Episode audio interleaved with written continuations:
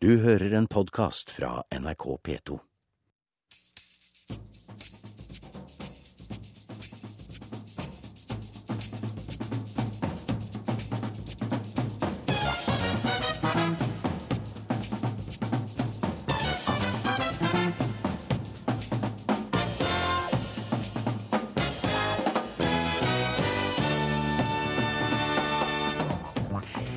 I dag forlater Jens Stoltenberg norsk politikk. Jeg har vært rasende på han, sier Kristin Halvorsen.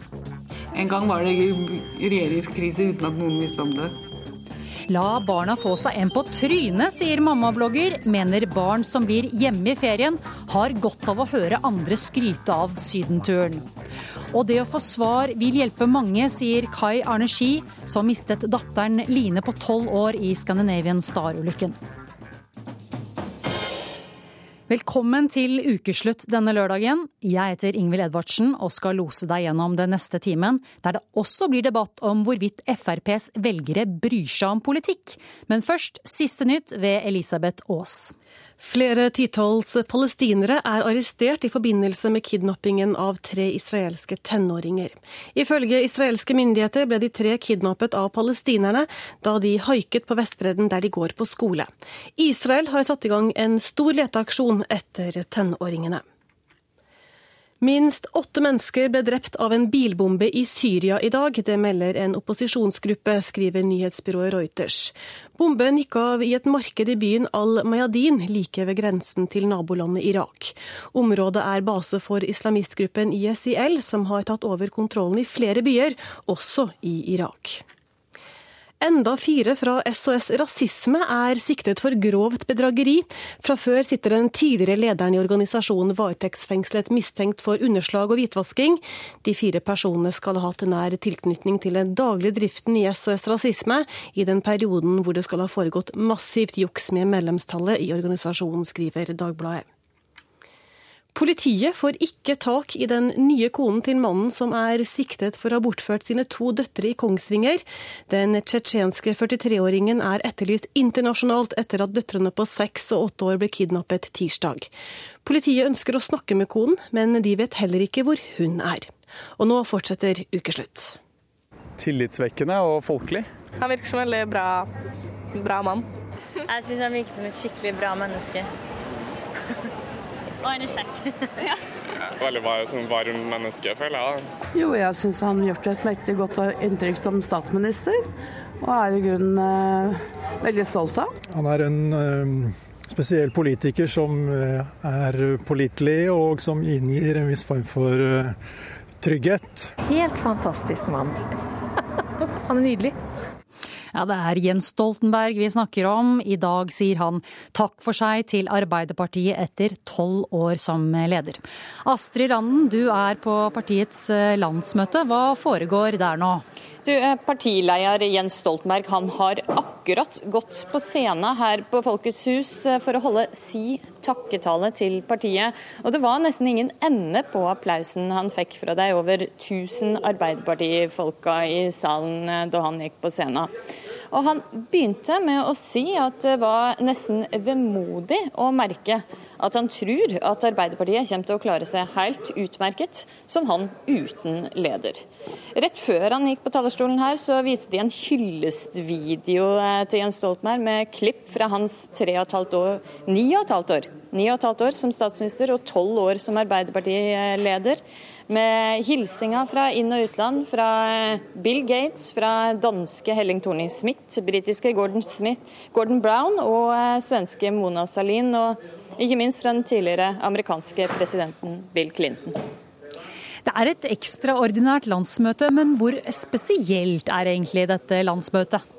Dette er et eh, litt annerledes landsmøte, fordi at en skal ikke utforme noe ny politikk, som bruker å være det viktigste en gjør på et landsmøte. Her har de bare én oppgave, og det er å velge ny leder eh, og takke av den gamle. Og eh, Jonas Gahr Støre skal holde sin første partiledertale her. Og eh, han innrømte på vei inn her at han hadde sommerfugler i magen. vi lar Jens Stoltenberg fortsette med sin tale. Takk til deg, Astrid Randen. Jens Stoltenberg har til sammen 30 30 år bak seg i politikken. Ukeslutt har møtt han, og flere som kjenner han godt. Her henger da ikke sant, Einar Gerhardsen, Trygve Bratteli, Raul Steen, Gro Harlem Brundtland, eh, Torbjørn Jagland og også Håkon Lie og andre. Store malerier av tidligere ledere dekorerer veggene i partiets sentralstyrerom på Jungstorget. Snart får også Jens Stoltenberg plass et eller annet sted her, etter tolv år som partiets leder.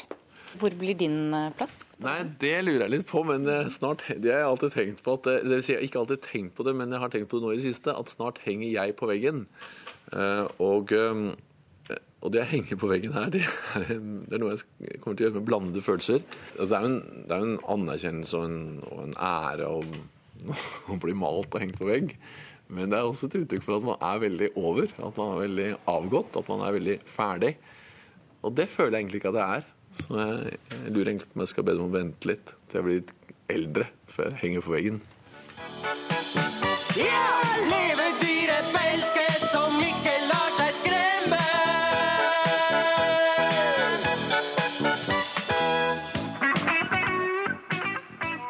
de rebelske er i denne sammenheng Arbeidernes ungdomsfylking, AUF, her i et utdrag fra deres egen rockeopera. Det er nesten 30 år siden Jens Stoltenberg var gjest i Ungdommens radioavis som nyvalgt AUF-leder. En leder som fikk oppmerksomhet for mer enn sitt politiske talent. Han er vel også den første, i hvert fall mannlige, lederen i en organisasjon som av en NRK-reporter har fått følgende spørsmål. De sier du er så vakker. Og hva svarte du da, Jens Stoltenberg? Ja, Da ble jeg veldig forvirra. Og jeg er veldig opptatt av at folk ikke skal drive og diskutere om jeg er vakker eller ikke. Folk må vurdere meg ut fra det jeg gjør, sier og mener. Og det skal jeg gjøre så godt jeg kan, og håper at folk dømmer meg på det. Jeg heter Per Sandberg. Norge vil, jeg tror samtlige vil savne Jens Stoltenberg, ikke bare innenfor disse veggene her. Oser av autoritet. Sterk og klar. Sterke lederegenskaper. Lederegenskaper som jeg liker og har litt sansen for. Men også det at en kan fremføre det her på en måte med glimt i øyet, når det er nødvendig. Så jeg har hatt veldig respekt og har stor sans for Jens Stoltenberg. Ikke politikken, men personen. Det er altså tonen blant politiske motstandere 30 år senere. Bare hør på dette. I hvert fall for Fremskrittspartiet sin, fra sin side så, så har det vært en formidabel motstander og har tvunget oss i Fremskrittspartiet til å løfte kunnskapsnivået i mye større grad blitt faktaorientert, så er det med bakgrunn i Jens Stoltenberg og denne type politikere. Jeg heter Kristin Alvorsen. Jeg har kjent Jens Stoltenberg i mange år. Jeg har sett han mer enn min egen mann i åtte år av mitt liv. Det var da vi satt i regjering sammen. Han er en veldig raus person som ikke bærer nag til folk, selv om en kan være dundrende uenig. Og vi hadde jo våre feider innimellom, men han starta liksom neste dag med blanke ark og godt humør. Men har du opplevd han som urimelig noen gang? Um, ja, selvfølgelig. Jeg har vært rasende sinna på han, men han har vært rasende sinna på meg òg. Kasta meg ut av kontoret. En gang var det regjeringskrise uten at noen visste om det. I mange timer. Det var i forbindelse med en av de store miljøsakene. Jeg var meget rasende. En så rasende mann som ingen i Norge har sett. Bortsett fra noen få av oss som har drevet ham til vanvidd. Ja, Kjetil Try heter jeg. Jeg har kjent Jens siden første gym på Katta. Det er altså snart 40 år siden vi møttes. Og vi har vært veldig gode venner hele tida siden den gangen. Vi hadde noen gutteturer både i Ukraina og USA og denne i, på Kolahalvøya, da Jens var statssekretær i 1990 i Miljøverndepartementet. Da ble vi arrestert i Russland uh, utenfor en by som heter Montsegorsk, som ifølge Jens forurensa tre ganger så mye som hele Norges bilpark. Men der skulle vi inn og se. Uh, og da ble vi arrestert med det var tanks og liksom maskingevær og alt mulig rart. Og vi skjønte ikke helt hvorfor. Men og, og ble satt i fengsel. Men da var det at jeg Vi hadde, vi hadde vært og besøkt uh, borgermesteren i, eller viseborgermesteren i Murmansk og sånn, så jeg hadde masse visittkort av sånne viktige mennesker vi hadde møtt. Så jeg kastet jo de fram på bordet og så prøvde liksom å gi inntrykk av at de var veldig viktige. Nå måtte, de, nå måtte de slippe ut. Og prøvde å overtale Jens til å fortelle at han var sønn av Norges utenriksminister. Men det ville ikke Jens. Derfor han ville liksom ikke at de skulle bli forlegne og ville ikke bruke det. Det er liksom toppen av min karriere som frokostvert med Nelson Mandela. Mange av verdens toppledere har blitt servert frokost av Thorvald Stoltenberg i dette kjøkkenet. Nei, jeg har benyttet dette kjøkkenet som sånn ja, måte å bli kjent med folk og snakke med folk på. Bare én av gangen. Pappa Stoltenberg legger ikke skjul på at det er litt ekstra stas at det er nettopp Obama og Merkel som har plukket ut sønnen til toppjobben i Nato. Det var jo de som tok initiativet til at han skulle bli generalsekretær. Og jeg vil jo tro, nettopp fordi det kom fra dem, så tror jeg det kom også dette ligger i det. At um, det var viktig å få en person som kan se et problem, en krise, fra alles synsvinkler. Og hvis det er riktig, så er jeg meget stolt av det òg, jeg. Ja. Du intervjuer en, en pappa som er stappfull av stolthet og glede. Hallo? Ja, god dag. Gro Harlem Brundtland har fulgt med på Jens Stoltenberg siden han var en politisk neve stor. Hvis du skal eh, være fremgangsrik og gjøre en så god jobb som Jens Stoltenberg har gjort for Arbeiderpartiet og for landet, eh, så må du ha personlighetstrekk som faktisk gjør det mulig. Du må inspirere andre. Du må skape tillit rundt deg. Du må ha samarbeidsevner og utholdenhet. Og, alt, og, og du må være engasjert og, og, tro på det du arbeider med. Alt det har Jens Stoltenberg absolutt hatt, og det er det som er bakgrunnen for at han har lykkes så godt. Mange pekte på Stoltenberg som hennes etterfølger allerede i 1992, men det ble som kjent Torbjørn Jagland. Hvorfor var Stoltenberg bedre enn eh, Jagland? Nei, det kommer jeg ikke til å begynne å filosofere over. Ikke tale om. Vi snakker om Jens og Jonas nå. Men du har jo ikke lagt skjul på at, at, eh, du ønsket at Stoltenberg eh, skulle ta over på et eller annet tidspunkt. Var det, men var det klokt at han ikke tok over rett etter deg? Nei, det vet jeg ikke. Det, I det hele tatt, den forhistorien der føler jeg ikke passer i dagens situasjon. Dette er for gammelt. Og jeg går ikke inn og diskuterer de tingene der som er skrevet opp og ned om i bøker og alt sånt. Dette er, dette er veldig mange år siden nå. Ikke sykle kan vi ha hjelm under kan vi ikke det? For nå handler det om disse to. To gode venner og turkamerater får anledningen på sykkel på vei fra NRK til pressekonferanse. Det ser jo helt uh, Jeg tror Jonas mener at uh, hjelm ikke er så Nei, det er ikke så fotogent. Nei, han er så tøff. Jeg har en større fremtid å ta vare på enn deg her i landet. Ja, ja. Jeg er avgått, autosexen hjemme med meg. Du, du kan altså verne oss på alt mulig. I hvor stor grad kommer du til å følge med på det Støre gjør her hjemme? Jeg kommer til å prøve å følge med så godt jeg kan, men jeg er eh, realist og tror at det kommer til å bli mye mindre enn jeg ønsker. Fordi at jeg tror at eh, mitt hode kommer til å bli så fylt med alt som handler om eh, Nato, om Ukraina, om Syria, om Irak og mange andre spørsmål. Og det kommer til å ta så mye plass at selv om jeg ønsker det, så kommer jeg ikke til å ha mulighet til, eller eh, tid og overskudd til, å følge veldig nøye med i Man politikk. kommer til å klikke seg inn på nettavisene Ja. fra tid til Ja, annen ja, for å se hva som er dagens sak. Det tror jeg. Det kommer jeg til å gjøre. Særlig meningsmålinger. Ja, kommer du til å det kommer jeg til å følge med.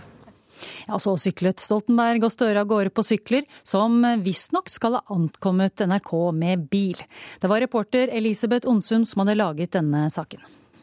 Kjære mutter'n, kjære fatter'n. Her er brev fra supertateren. Det er Gimto. bo på leier. Vi får bråke like mye som vi pleier. Jeg har nesten Skoleferien nærmer seg med stormskritt, og i skolegården og i klasserommet går praten om hvor turen går i år. Mens noen skal på eksotiske reiser, er det andre som ikke skal gjøre noe i det hele tatt. Abid Raja, stortingsrepresentant for Venstre, du har sagt denne uken at lærere bør være forsiktige med å snakke om barnas ferier i plenum. Hvorfor det? Det er store forskjeller i hva slags ferieopplevelser barn har og får. Og veldig mange barn føler på eh, å være mindreverdige eh, og eh, blir veldig utilpass eh, og veldig synlige når dette diskuteres inn i plenum. Over tid eh, så kan dette være skadelig for eh, barnas selvfølelse og også bidra til mobbing. Nå vet vi at barn snakker om ferieopplevelsene sine allikevel, men når dette gjøres mer på eh, fritiden i, eh, i, skolegården, så blir ikke det så synlig og organisert som man tar det opp i plenum og hver enkelt må fortelle hva de har gjort eller ikke gjort i sommeren. Vi har også med oss eh, Marte Frimann Anda, du er foreldreblogger, og du har reagert på det Abid Raja nå sier om å skåne barn. Hvorfor det? Nei, altså jeg, jeg, mener vi ser en tendens der vi nesten skåner barna våre i hjel. Vi foreldre vi ønsker at barna våre skal være lykkelige hele tiden. Vi ønsker eh, å fjerne alle hindringer. Vi vil ikke at de skal kjenne på vonde følelser. Og det syns jeg er en skremmende utvikling. Jeg mener alle barn må få kjenne på vonde følelser som mindreverdighet, det å være trist, ensom, sint, skamfull osv. Hvis vi frarøver barna våre eh, alle hindringer og, og mulighet til å bli kjent med seg selv, hvordan skal de da takle disse, um, disse situasjonene og følelsene når de blir eldre? Abid Jaja, er det ikke litt sånn at livet er urettferdig, og dette med mindreverdighet er noe man bare kan lære seg med en gang? Ja, Dessverre er, har du helt rett at livet er urettferdig. Og for de over 100 000 barna i Norge som vokser opp under fattigdom, så er det et slag i trynet hver eneste dag fordi at foreldrene ikke har råd til å gi dem de basale godene. Og det denne bloggeren sier, hun er litt på villspor, for hun sier at alle barn eh, bør ha, kjenne på vonde følelser. Men her snakker vi altså ikke om alle barn som ikke får oppleve oppleve ferie. Vi snakker altså om de systematisk samme barna som over tid, altså godt over 100 000 barn som lever under eh, fattigdomsgrensa i Norge, som over tid ikke får opplevelser. Og når de på toppen av det skal få kjenne på mindreverdighetsfølelsen i klasserommet i tillegg, så blir det veldig mye for de barna. Og vår rolle som politikere og som samfunnsborgere og som voksne mennesker er å tilrettelegge for at barn får eh, gode, gode oppvekstmuligheter. Og, og dersom det kan være med på å gjøre at slag slagene i trynet på de barna blir mindre, at vi ikke diskuterer dette i plenum, så mener jeg at det, dette er noe vi bør strekke oss til. Ja, Marte Frimann, Anna, eh, er det slik at eh, alle barn, også de som overhodet ikke gjør noe i ferien og kanskje sitter inne og ikke har eh, noen aktiviteter, har de også godt av et slag i trynet, sånn som du formulerer det på bloggen din? Altså, jeg mener selvfølgelig ikke at vi skal tråkke på barn som ligger nede, og vi ønsker alle disse barna alt godt. Men, men jeg er litt uenig om hvordan, uh, altså måten man gjør det på, måten å, å, hindre mobbing og fjerne mobbing. Jeg mener Det er ikke å late som at vi ikke er forskjellige. Det er ikke å fjerne ulikhetene blant oss. Å fjerne annerledeshet eller børste alt som er litt annerledes under teppet. Jeg mener måten å gjøre dette på, det er å lære barna våre å akseptere at alle er forskjellige. Og at, at, barn kommer fra forskjellige typer familier. De har forskjellig økonomi, de har forskjellige familiesammensetninger. Det er forskjellige kultur og religion ute og går. Og dette må vi lære barna våre å akseptere, og kanskje til og med dra nytte av. Hvis vi foreldre børster dette under teppet og fjerner alle ulikheter, så sier vi til barna våre at annerledeshet det er ikke akseptert. Og det er ikke jeg enig i. Abid Raja, du skrev denne uken, du fortalte litt om hvordan du selv opplevde dette her eh, på skolen. Kan du si litt om det? Ja, altså Det er jo veldig forskjellig hvordan barn opplever det. Mine foreldre var jo veldig eh, hva skal man si, fattige. Mor er analfabet, faren jobba i spikerfabrikk og vi bodde i en kommunal bolig. Jeg har ikke fått noe stort selvtillitsknekk som følge av det. men jeg jeg løy om det i klassen når vi i plenum måtte diskutere hva man skulle gjøre som man hadde gjort. og Da sa jeg, fant jeg på at vi var i Pakistan, og det var jo ikke. Jeg var bare i eh, kommunale boligen min og bygården. Men det denne bloggeren sier, altså hun sier at vi kan ikke hindre mobbing ved å fjerne mobbing. Og da lurer jeg meg virkelig, hvordan kan man hindre mobbing hvis det ikke nettopp er ved å fjerne mobbinga? Og barndommen kommer, kjære deg, bare én gang for alle. Og for de 100 000 barna som vokser opp under fattigdom, så er det vår oppgave oppgave å tilrettelegge for at de får en mest mulig verdig barndom. Og når det skal gnis inn for de, ikke bare at de ikke har fått opplevelsen, ikke bare at de må snakke om det i friminuttene, og så skal man også stå til rette i plenum og få eh, spørsmål om hva har, du, hva har du gjort? Vi må la Marte Frimann Anda få svare ja, det blir, på det. Det blir veldig mye for de, Nå for må de vi slippe barna. til eh, Marte her. Men for det første så mener jeg ikke at alle barna skal tvinges til å stå i plenum og snakke om ferien sin. Jeg mener at de barna som har lyst til å snakke om ferien sin, må få lov til å gjøre det. Og så mener at lærerne kan legge det opp etter opplevelser, hva man har opplevd i ferien, ikke hvor man har vært og hvor mye det har kosta. Dere er jo eh, selv eh, begge foreldre. Eh, Er det noe man som foreldre kan gjøre for å hindre at, ja, at man skryter av ferien på skolen? Det jeg lærer barna mine, er at eh, alle barn eh, skal ha krav på like god eh, oppvekst, men ikke alle barn har det like godt som mine barn har det. Og, de må lære seg å dele med andre. Og jeg lærer ikke dem at alle barn fortjener å få seg en på trynet, og at de trenger å føle mindreverdighetsfølelse. Ja, der, der lærer jeg faktisk barna mine. Jeg syns det er helt OK at barna mine, og det er også livsviktig at barna mine i, i visse situasjoner kjenner på følelsen av mindreverdighet. Skam, tristhet, ensomhet, alle følelser som jeg er så heldig å være utstyrt med. Hvis mine barn ikke får kjenne på disse følelsene, hvordan skal de da klare seg når de blir voksne? Og en annen ting, hvordan kan vi forvente at våre barn skal utvikle empati hvis de ikke får kjenne på disse vonde følelsene selv? Hvordan kan barna våre eh, eh, jeg tenker på eh, eksempel, Abid Raja, den følelsen du hadde når du var, når du var barn.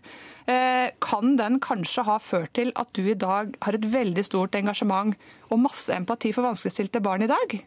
Kan du svare på det, Abid Raja? Ja, altså Heldigvis så går det bra med veldig mange barn, selv om de eh, vokser opp under dårlige kår. Men dessverre så er det slik at de som vokser opp under dårlige kår og har oddsene mot seg, de går det som regel ikke bra med. Det har vi hundrevis av eksempler på.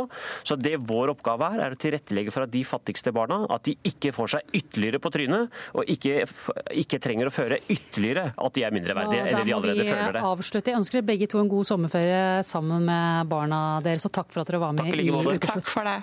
Du hører en podkast fra NRK P2.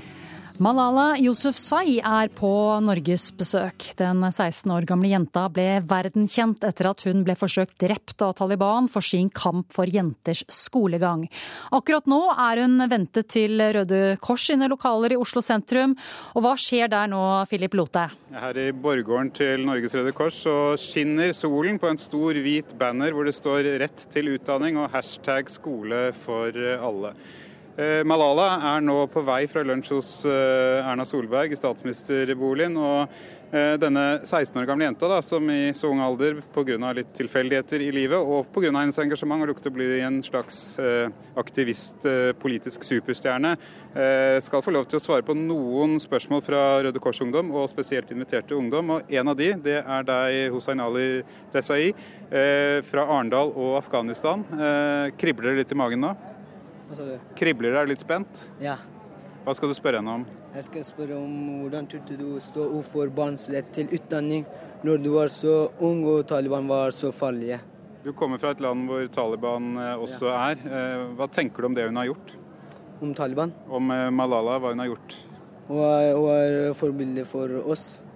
Og så var hun var, hun var en tøff jente. Ja. I dag er det valg i ditt hjemland i Afghanistan. Hvor viktig er kampen for skolegang for alle, og for, spesielt for jenter?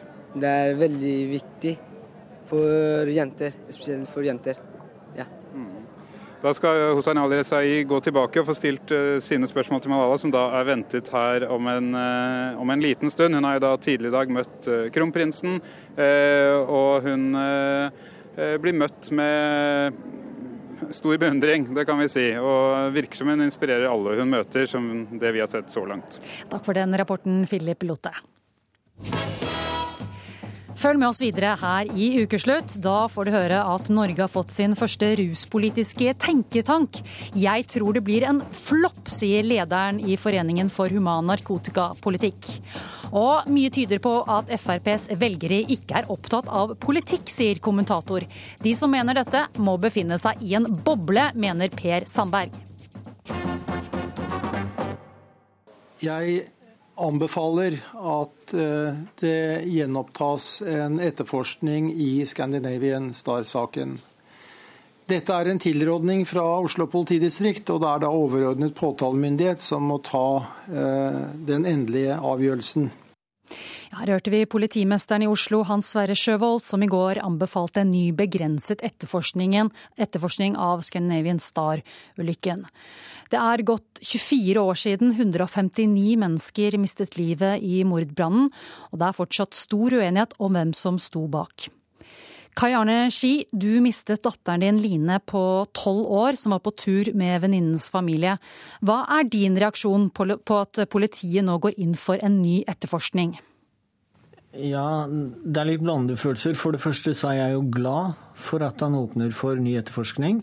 Selv om han vel indikerer at det er begrensninger i den, når han sier deler av det. Eh, så er jeg litt frustrert over at kommisjonen kom til en motsatte konklusjon. Og, og, så det tredje er at eh, jeg er litt engstelig for at eh, tiden går uh, før det blir tatt opp, og at forlengelses... Eller den 25-årsfristen renner ut. Ja, for nå er det bare et år igjen. Hva ja. tror du kan komme ut av denne etterforskningen?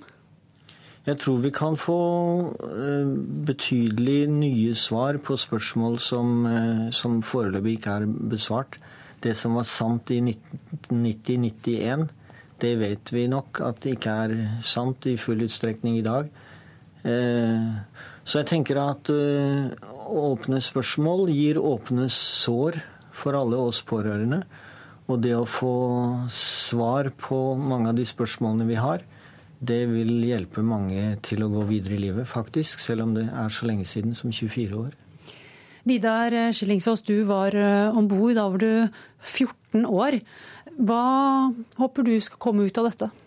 Jeg er veldig enig i det Kai sier også. Eh, og det har jo vært veldig mye eh, ubesvarte svar opp gjennom årene, også spekulasjoner. Og litt av frustrasjonen for, for oss overlevende og etterlatte har jo vært at man egentlig aldri ville tatt tak i det og etterforska det og fått ro rundt saken. da. Så jeg håper i hvert fall at man eh, etterforsker det her eh, seriøst. Snur hver stein som kan snus, slik at eh, man får fram sannheten. Det er jo det som er håpet. Hvis vi går tilbake til den påskedagen i 1990, hva husker du fra turen? Nei, Jeg husker alt uh, veldig godt. Det sitter godt fast i, i minnet. Uh, vi skulle jo på treningsleir med friidrettsgruppa Strømmen IF. Uh, og vi ble sendt eh, tidlig i seng, egentlig, fordi vi var jo de yngste på, på laget. Eh, det var veldig varmt eh, på lugarene, så jeg og en annen vi bestemte oss for å stå opp og trekke frisk luft. Og Da gikk vi tverrkorridoren fra lugaren over mot trappa. og Der møtte vi noen andre kamerater, og så slo vi av en prat der. Og så, Litt etter en stund så kom det røyk opp fra dekket under. Og Da løp vi mot resepsjonsområdet for å, å varsle at det brant om bord på, på, båten. Og Da sa jeg til kameraten min at uh, ta løpet opp på dekk, så skal jeg uh, varsle de andre. Og når jeg kom tilbake til, til, gangen der vi hadde korridoren vår, så var det allerede røyken spredt seg dit, så det spredde seg veldig fort. Så jeg la meg ned på alle fire, og så krabba jeg inn under røyken. Og fant til slutt lugaren vi bodde på. Fikk varsla der. Jeg begynte å bevege meg tilbake, og åpna døra til der hvor treneren min lå. Og så fortsatte fortsatt jeg tilbake til eh, resepsjonsområdet. Og Der var det ikke noe røyk, så jeg eh, reiste meg opp og skulle løpe opp eh, trappa. Og plutselig så befinner jeg meg i masse røyk, så jeg tenkte at hvis jeg blir stående her, så kommer jeg til å, til å dø. Så jeg snudde rundt, men da, da besvimte jeg, og så datt jeg ned trappa. Og våkna til meg sjøl igjen liggende på gulvet der nede og fant et uh, bøttekott med frisk luft, og så ble jeg borte der. Og så kom jeg til meg sjøl igjen og titta opp, og da var det fri vei opp til dekk. Så da, da løp jeg opp dit. Og resultatet av det du gjorde, var at du reddet uh, flere liv. Kai Arne Ski, hva vet du om det som skjedde med datteren din om bord? Ja, Hun reiste sammen med sin beste venninne og foreldre. Eh, og moren til hennes venninne overlevde. Så hun forteller at de våknet opp av at det ble ropt 'brann, brann' ute på gangen. Og så kledde de på seg i full fart. Og så når de kom ut, så var korridoren røykfylt, så de la seg på kne Pappaen krabba først, og så holdt jentene i beina, og mammaen kom til slutt. Eh, så ble det så varmt der de kom at han sa at vi må snu. Og så krabber de i motsatt retning i korridoren til det butter. Og da hører eh, mammaen sin datter si 'nå orker jeg ikke mer, mamma', og det er det siste hun husker. Og det vi vet, er at de krabbet forbi døra ut til friheten, men to meter til inn i en blindkorridor, og der sovna de. Og så var det da mammaen som overlevde, og de tre andre døde. Ja. Hva husker du fra den dagen? Jeg husker at vi våkna opp eh, på påskefjellet med blå himmel og snø og vakkert. Og en nabo kom og sa 'Har ikke du ei jente som har reist til Danmark?' Og så ringte vi redningssentralen på Sola, da. Og besluttet etter hvert at vi måtte reise hjem, og ringte gang på gang. Og ja, husker turen hjem, hvordan vi håpet å få ei jente hjem i live, men hvor vi begynte å bli mer og mer urolige fordi vi ikke fikk noen nyheter. Hvordan har dette preget uh, de 24 årene som har gått av livet ditt? Det har gjort oss tettere som familie. Uh, det har preget oss alle med uh, hva skal jeg si avskjedsangst. Når vi skal skilles, så kjenner vi fortsatt litt tilbake på hva som skjedde den gangen. At når man skiller lag for å dra på en tur, så er det ikke sikkert man, man treffer hverandre igjen. Men du vet, den store stormende sorgen og det forferdelige sjokket, det har jo bleknet. Tiden leger nesten alle sår. Ja, så det har preget oss, og vi er en familie som fortsatt har fire barn. Men det ene barnet er ikke med oss lenger, da. Annet enn i tankene og hjertet. Ja. Du var inne på det i stad. Hva betyr det for deg å få svar på hva det var som skjedde? Ja, jeg tenker at Jeg tenker at i Norge så ønsker vi sannhet og rettferdighet. I dette demokratiet og dette rettssamfunnet vi, vi lever i. Og det ønsker jeg også. For meg selv og for alle pårørende og, og for alle vi som stiller spørsmål. Fordi at når vi kan slå Når vi får sannheten på bordet, så vil vi mer kunne slå oss til ro og legge ting bak oss. Det er jo mange som fortsatt lever i 1990 og aldri har kommet videre. Og disse menneskene kan vi også være med å hjelpe, tror jeg. Vidar Skillingsås, tror du vi noen gang vil få vite hva som skjedde på Scandinavian Star? Jeg tror det blir vanskelig å få den fulle og hele sannhet. Så sant ikke noen står fram hvis det er noen andre som har, har skylda i det her. Som politiet også sa i dag, så er det jo vanskelig å gjøre kriminaltekniske undersøkelser nå. Men jeg tror fortsatt at det er mulighet til å få mange flere spørsmål besvart enn det vi har per i dag. i hvert fall. Tusen takk for at dere kom til Ukeslutt. Ja, selv takk. Du hører en podkast fra NRK P2. Nå skal det handle om ruspolitikk her i Ukeslutt. Torsdag ble Norges første ruspolitiske tankesmie lansert. Den har fått navnet Føniks. Ja, det er jo en mytologisk figur. Det handler om gjenfødelse. Det er symbolikken i det hele. Men de som skal få hjelp av denne tenketanken, er skeptiske. Jeg lurer på hva tenketank er generelt. Allan, Trond og Jon Vidar sitter på ei trapp i sola utenfor Kirkens Bymisjons kafé Møtestedet i Oslo. Trond er klar på hva han trenger. Trenger oppfølging. Oppfølging. Det er det første for de som har vært inne på eh, avrusning og sånn. Det er jo null oppfølging. Mens Allan ikke vet helt hva han skal tenke. De har så mye rare tanker og ikke noe praksis. Tanker Jeg har holdt på med dette her nå snart i 40 år. Og ruspolitikken, den er fallitt. fallitt. Noen kvartaler lenger unna, utenfor Stortinget, lanserer Anlov Mathisen en ny tankesmie. Jeg står her i dag sammen med seks flotte styremedlemmer i den nye foreningen Føniks ruspolitisk tenketank. I styret er kjendisfaktoren høy. Som vokalist i hardrock- og punkbandet Turboneger var Hans Erik Dybvik Husby alltid full eller høy på scenen. Først i 2009 opptrådte han for første gang edru. Han vil være med å endre en rusdebatt han mener ikke fungerer. De siste årene har, vært en, en krigsskueplass av meninger og påstander, uh, uverdige debatter. Her har vi låst oss fast i, i, en veldig fiendtlig situasjon. Nå er det viktig at folk uh, roer seg litt ned og prøver å ta et steg tilbake og et steg opp og prøver å se helheten. Og Det er jo det vi i Føniks ønsker å bidra til. Et annet styremedlem forbinder du kanskje mest med det her. Eh, norske talenter. Du hører jo absolutt hjemme her. Men, men, hva var det som gjorde at du meldte deg på her? Men Mia Gundersen har også en annen historie. Min mor hun døde 15.2 i 2008. 70 år gammel av en heroinoverdose. Sammensetninga av styret faller i god jord hos dem utafor møtestedet.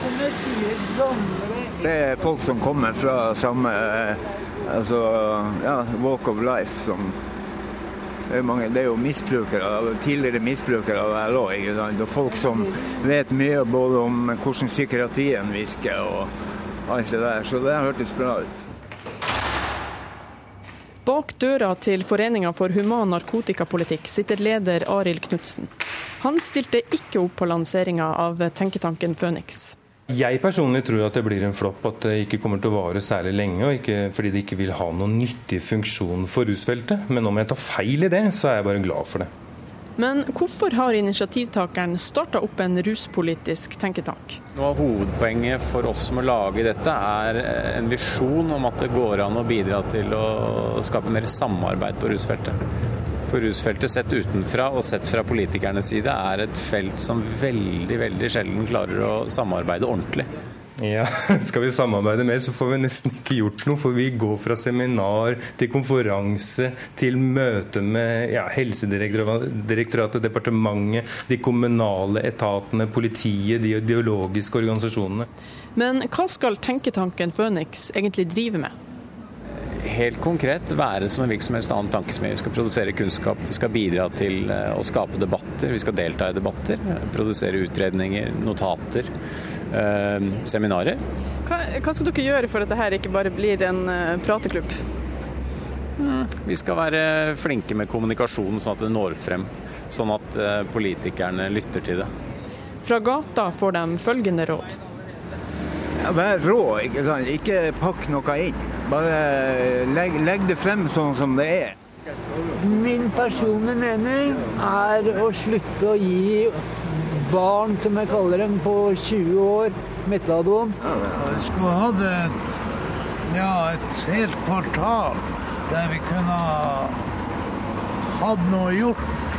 Lært data, lært ja, spille gitar. Alt. Det var reporter Eva Marie Bulai som hadde sett nærmere på tankesmien Phoenix. Hvilke forventninger hadde du til Frp i regjering?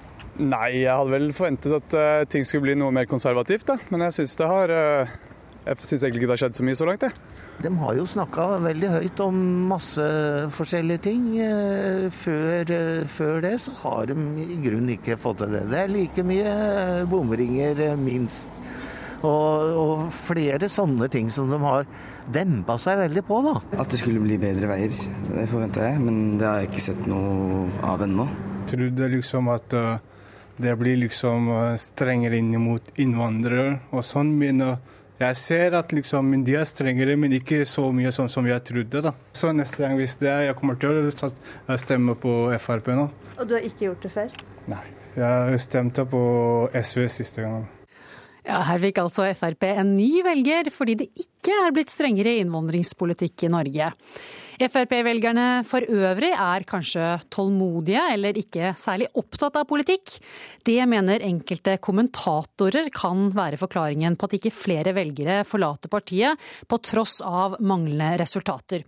Og Hegge Ulstein i Dagsavisen, eh, hvorfor har du kommet til denne hypotesen? Nei, I likhet med en del andre så har jeg begynt å stusse litt over at eh, Frp eh, er såpass eh, solide og slitesterke som, som meningsmålingene tyder på. Vi er jo tidlig i perioden ennå. De har jo ikke sittet mer enn et halvt år, eller et drøyt halvt år. men hvis vi sammenligner med SV, som er det andre fløypartiet vi har hatt i regjering, så så vi jo at eh, ikke bare gikk de ned etter at de kom i regjering, men de begynte jo å miste velgere før de kom i regjering. altså De fikk på en måte en slags regjeringsslitasje på forhånd. Eh, og det var mye uro i partiet, mye, mye sinne og oppgitthet blant eh, velgere og tillitsvalgte. Mens jeg har, har, en slags hypotese eller idé om at FrPs velgere tar det litt roligere og finner seg mer på, på en eller annen måte. Det var det den hypotesen jeg forsøkte å undersøke litt i en kommentar tidligere, tidligere i uka. Har du noe faktagrunnlag som dette resonnementet hviler på? Jeg mener det er noen særtrekk ved Frp som er interessante da, hvis man skal prøve å, prøve å lage, lage, en slags teori rundt det. Det ene er at Frp er ekstremt avhengig av statsstøtte. De står helt i særklasse sammenlignet med andre partier. Eh, de får nesten ikke inn penger fra sin egen medlemsmasse overhodet så tenkte jeg ok, kanskje det går an å, å, se på hvor stor del av velgermassen som er eh, medlemmer, som man må kunne tro er mer politisk engasjert enn vanlige velgeren. Så jeg hentet inn medlemstallene, altså tallene over betalende medlemmer for samtlige norske partier på Stortinget. og eh, beregna forholdstallet mellom eh, antall velgere i absolutte tall og antall medlemmer for partiene. Og da viste det seg som jeg ante på forhånd, at Frp ligger på en veldig klar jumboplass. Per Sandberg, stortingsrepresentant for Frp. Hva synes du om denne antagelsen om at Frp-velgere ikke er opptatt av politikk? Ja, nei, altså, Det er bare en synsing fra, fra Hege og fra Dagsavisa. Jeg registrerer også i artikkelen at uh, fremstiller det nærmest som at vi lever i en boble. Men boblen er det jo norske journalister som lever i. For eh, hvis man ikke har oppdaga at det eksisterer en ny regjering, eh, så står man ikke opp om morgenen og, legger seg veldig tidlig på ettermiddagen når man er journalist. altså. Ja, til seks måneder. Husk, jeg har vært på Stortinget i 17 år. Eh, og de siste seks månedene så har det skjedd mer på, på det politiske arenaen enn det har skjedd på de siste 17 årene. Og da er det bare å nevne, Hvis ikke journalistene hadde fått med seg en skattelette på mellom 7 og 8 milliarder i løpet av ett budsjett, fått med seg debatten rundt jordbruksoppgjøret, der Fremskrittspartiet har fått lagt ny struktur for å få modernisert jordbruksoppgjøret. Har ikke fått med seg at Tordien gir konsesjoner hver eneste dag til småkraft osv. Hvis man ikke har fått med seg... Det er mange saker du sikkert kunne ramset opp, men jeg må spørre Hege Ulstein. Den første saken Nei, må få lov til å fortsette. Nå fikk du så mange minutter Men vi må spørre Hege Ulstein. Den første saken du nevner her, det er skattelettelser. Du skriver i artikkelen at Frp-velgere avspises med smuler. Eh, de har jo fått til en del? Ja, For det første så vil jeg bare si at jeg har ikke skrevet at Frp lever i en boble. Jeg, skrev, jeg har aldri skrevet. Jeg skrev at eh, mange på venstresiden hadde en svak forhåpning om at eh, boblen ville sprekke og velgerne flykte når Frp kom i regjering, sånn som det skjedde med SV. Og det, det er et språklig uttrykk for eh, noe som faller sammen, ikke en påstand om at noen lever i en egen virkelighet. Men la nå det ligge. Det er, eh, altså når det gjelder skattelettelsene, så har jo størsteparten av det gått til de aller rikeste. og det som man kan kalle folk flest, vil jeg fastholde at har blitt avspist med smuler. Det er snakk om et par hundrelapper i året, så det syns jeg må være innafor. Igjen så er det direkte feil, og nå blir jo da Hege politisk, eh, og det er jeg vant med fra Dagsavisa. Men la meg fortsette på lista, da. Altså denne nye velgeren som programlederen nevner innledningsvis her. Han sa det jo sjøl, han har blitt Frp-velger på tross av at Fremskrittspartiet har stramma til på asyl- og flyktningfeltet. Hans begrunnelse Men, var at det ikke har blitt strengere nei, innvandringspolitikk nei, i Norge? At dere nei. ikke har fått til det dere ønsket? Han sier at det har blitt innstramninger, men det har ikke blitt så ille som man hadde forutsett sier han. Og det er helt riktig. Vi har innstramma, men så har vi hatt et stempel på oss om at det ville gå rett vest hvis vi kom i regjering. Eh, kan det være at, eh, at mange av Frp-velgerne rett og slett er eh, trofaste mot partiet, gir dem litt mer tid for å se om de klarer å gjennomføre noe av politikken? Ja, Det vil jo tiden vise. Men jeg kan jo vise til Ove Vanebo, som var i Dagsnytt 18 tidligere denne uka, tidligere FPU-leder, som også sa at den typiske Frp-velger Frp-velgeren har avslappet holdning, en avslappet holdning til det å gjøre feil. Og hvis vi ser på eh, hvilke partier det er som har den mest engasjerte velgermassen, så er det helt åpenbart at det er sterke ideologiske partier. Altså det er KrF, det er SV og det er Senterpartiet som har eh, et veldig tydelig og klart engasjement. mens Venstre og Frp, som kanskje har litt mer tilbakelente sympatisører, har et lavere engasjement blant, eh, blant sine ja. velgere. Per, per Sandberg, er det sånn Når du møter Frp-velgere, har du inntrykk av at de ikke er engasjert?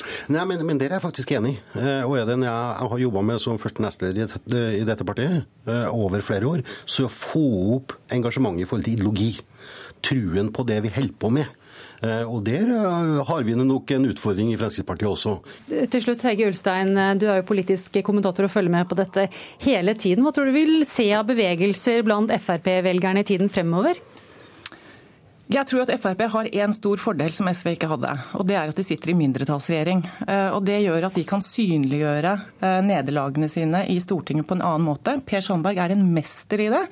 Han har flere ganger allerede vært ute og sagt at det er KrF og Venstre som tuller det til for regjeringen. og hvis de ikke hadde hatt det problemet med å skaffe seg det flertallet, så hadde det vært noe helt annet. Og det, det tror jeg eh, vil kunne være en, eh, en buffer for Frp som de kan bruke for å unngå en så massiv eh, velgerflukt som det SV gjorde, som jo måtte eh, inngå kompromissene på bakrommet i regjeringen og ikke kunne tydeliggjøre nederlagene på samme måte. Jeg syns det er meget spennende. og Så kan man stille spørsmålet ikke at man er tilfreds med å ligge mellom 12 og 14% hvis det er der vi ligger nå.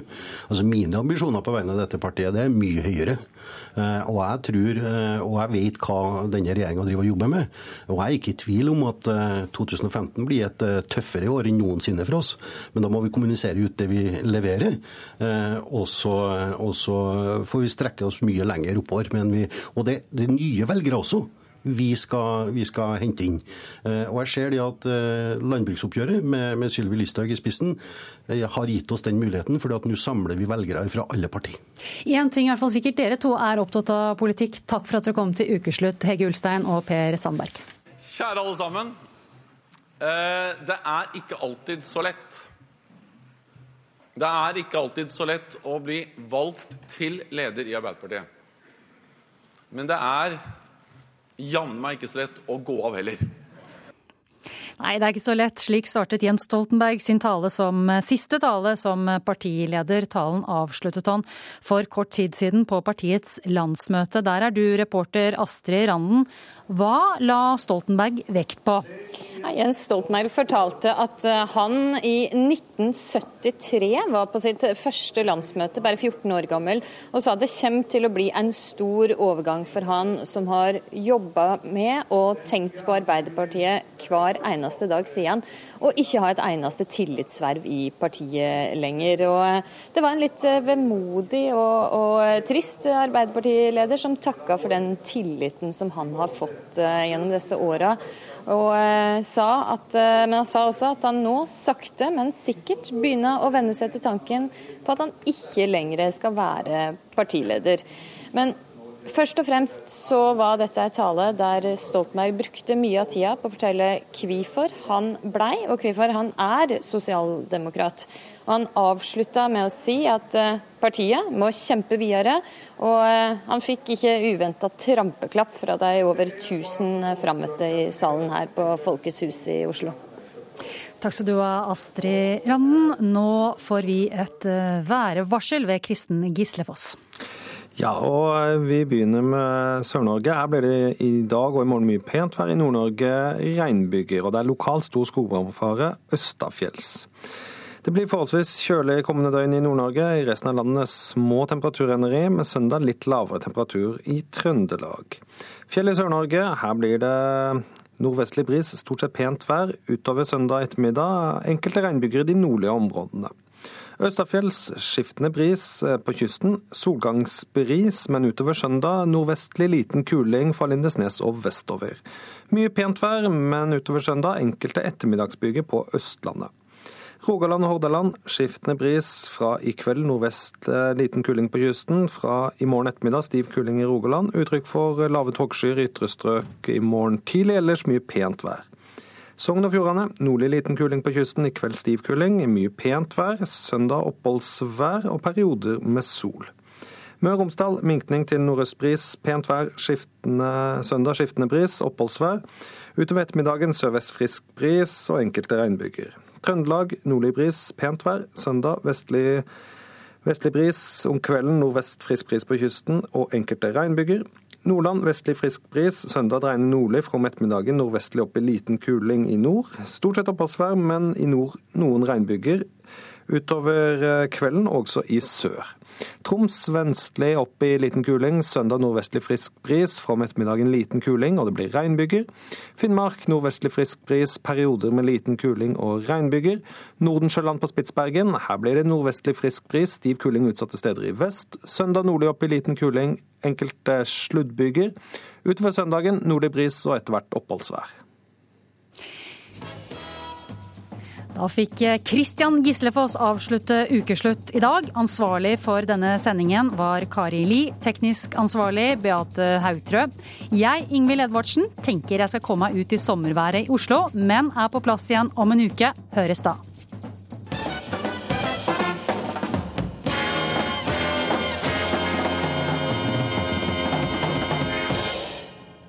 Du har hørt en podkast fra NRK P2.